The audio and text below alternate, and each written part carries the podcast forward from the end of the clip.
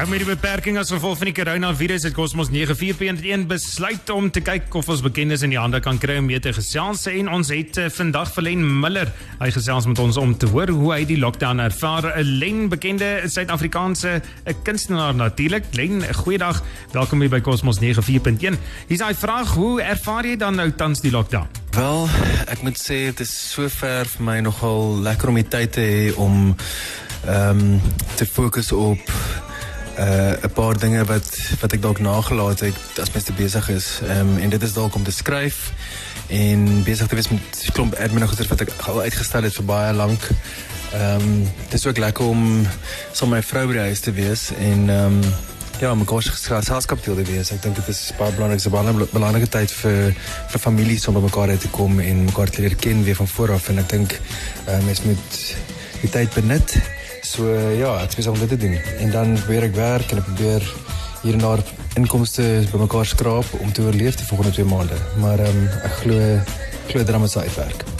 Miskien kry ek vir jou vrou hou jy vir dan verder besig by die huis. Vir die lockdown tydperk beplan ek om net natuurlik by die te bly en ek gaan skryf aan nuwe musiek. Ehm um, ek is ook genader paar ander kunstenaars om vir hulle liedjies te skryf. So ek gaan maar besig bly met dit wat ek die meeste geniet en ek is dankbaar vir die tyd. Maar ek gaan dit mis om op te tree. So ek het ook 'n klein agentskap begin en ek gaan maar daarmee besig wees. Klomp administrasie vir dit uitsorteer en die tyd vat om te reflekteer en boeke te lees. Is dit dalk makliker om nou te skryf met die lockdown? My advies gaan uit aan al die kunstenaars daar buite as jy in hierdie tyd moedeloos raak, um, probeer create skep soveel as moontlik en skryf soveel as moontlik en doen soveel as moontlike dinge wat ehm wat jy laat rus ook. Um, maar ek dink dit is 'n guldige geleentheid om klomp content en klomp mooi liedjies te skryf. So ek dink gebruik hierdie tyd om te doen sodat daar 'n 'n vloed van mooi nuwe musiek en mooi nuwe boeke en mooi nuwe content daar buite is na hierdie groot um, nagmerrie. Maar ek wens julle almal sterkte en as hoop moenie opgee nie.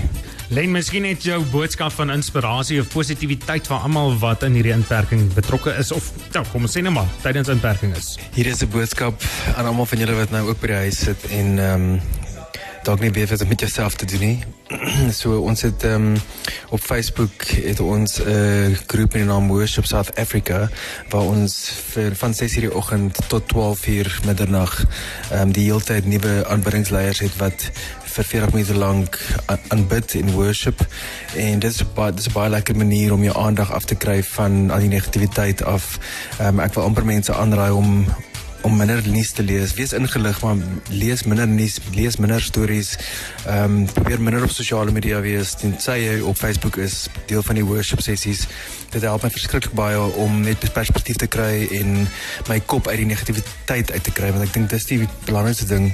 Ehm um, jou kop en jou mindset gaan baie meer skade doen as enige finansiële krisis as dit nie op die regte plek is nie. So ja, dis my boodskap. Baie sterkte en voorspoed vir julle almal. Join ons op Facebook, uh, Worship South Africa. Ons aanbid die Here.